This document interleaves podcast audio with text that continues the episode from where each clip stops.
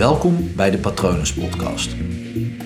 Mijn naam is Paul Vet en in deze podcast deel ik inspiratie voor een leven vol vrijheid en verbinding.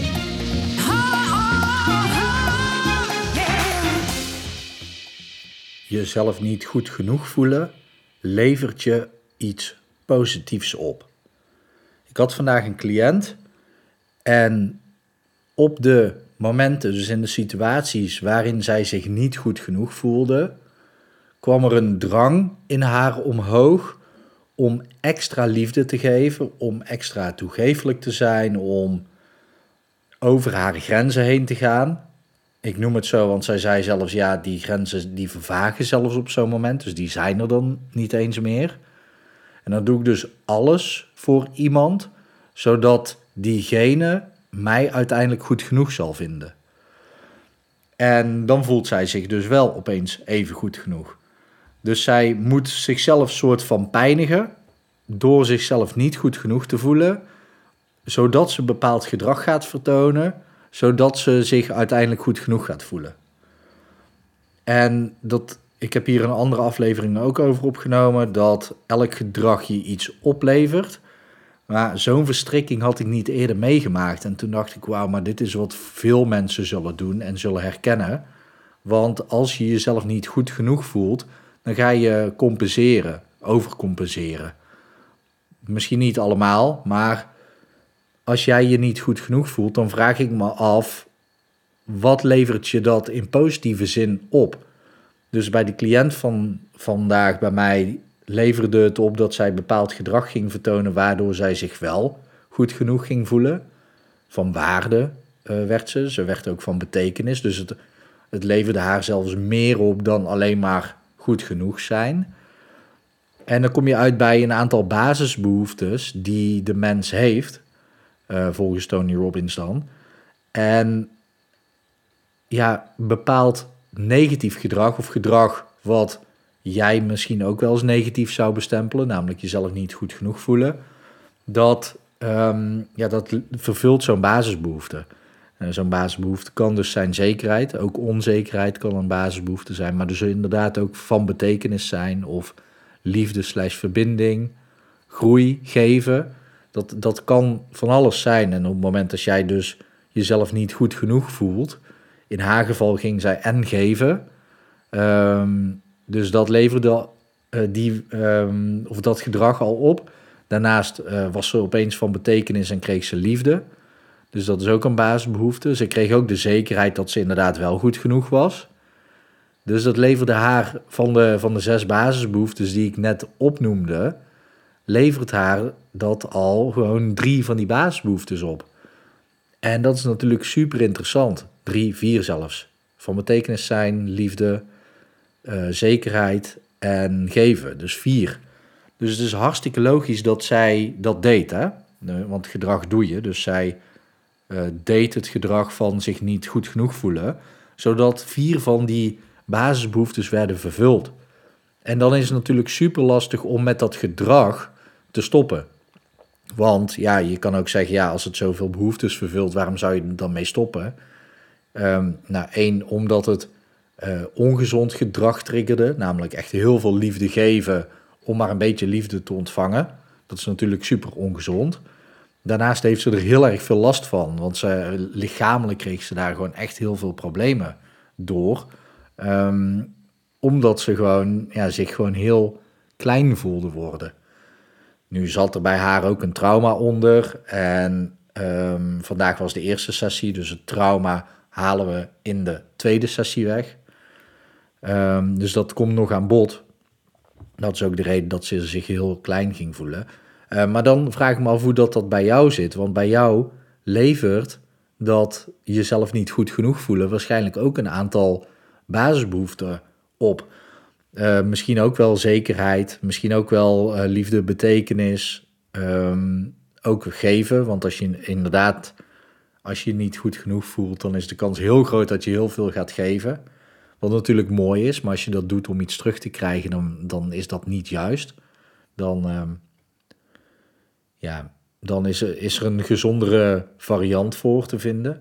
En toen bedacht ik me, ja, er zit bij mij, als ik me soms even niet goed genoeg voel, ehm, en dat is interessant, want daar zal ik het zo meteen even over hebben, zit ook groei als basisbehoefte onder. Want op het moment als ik me bijvoorbeeld niet goed genoeg voel ten opzichte van, uh, nou ja, bijvoorbeeld mijn overbuurman, die rijdt een Tesla. En dan denk ik, ja, ik rij een Renault Clio.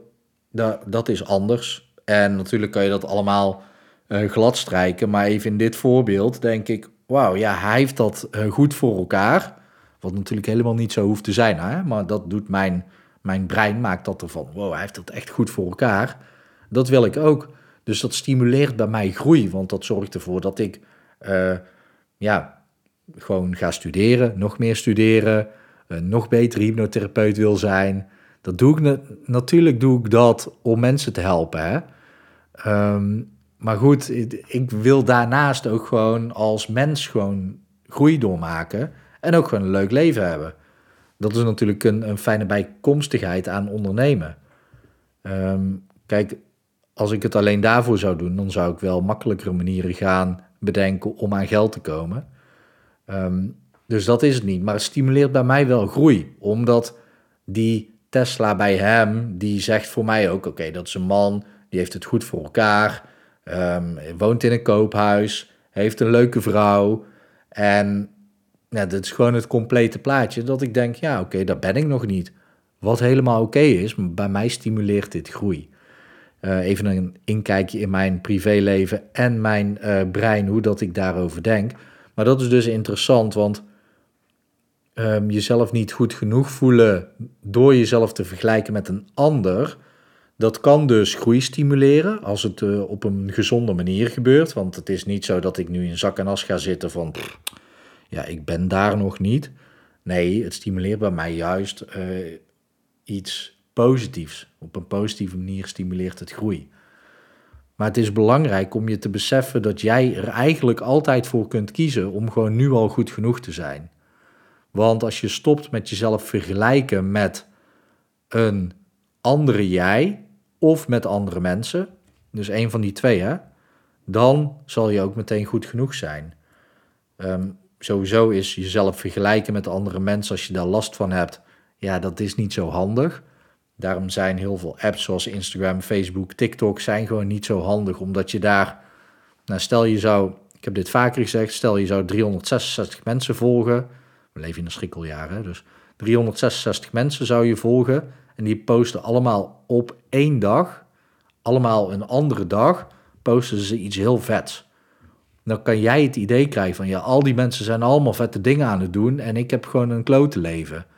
Wat natuurlijk niet zo is, want jij doet ook echt wel één dag in het jaar iets heel vets. En ja, het is gewoon heel moeilijk voor je brein om dat te snappen.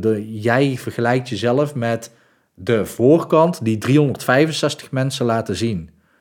Ja, moet je eens kijken wat 365 mensen samen voor elkaar kunnen krijgen ten opzichte van jij alleen. Dat is toch een oneerlijke vergelijking. Daarom is social media echt gewoon zeer slecht voor je brein als je daar dus last van hebt. Maar jezelf vergelijken met anderen als je daar last van hebt, ja, dan is dat gewoon slim om dat ja, op een andere manier te doen.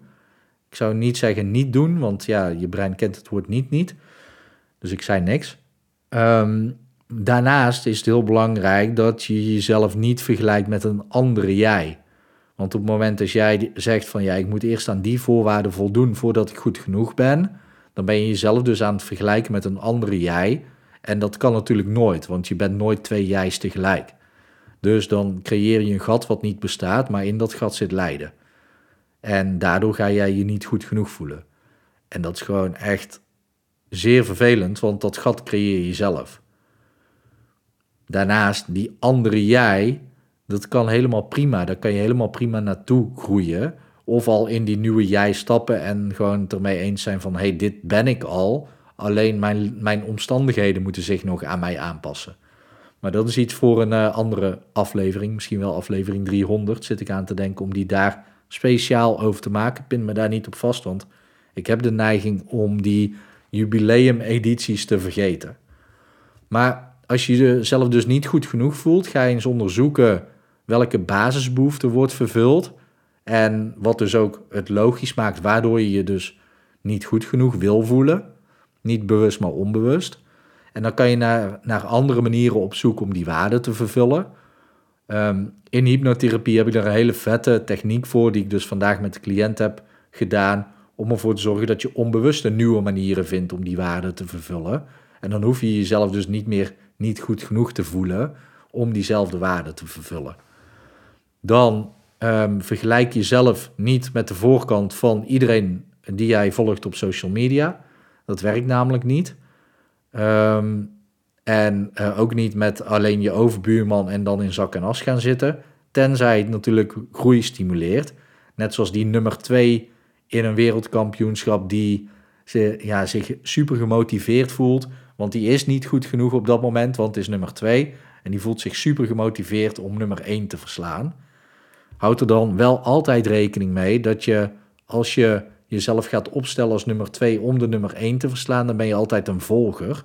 En nummer 1, die heeft niemand voor zich, dus die gedraagt zich als leider.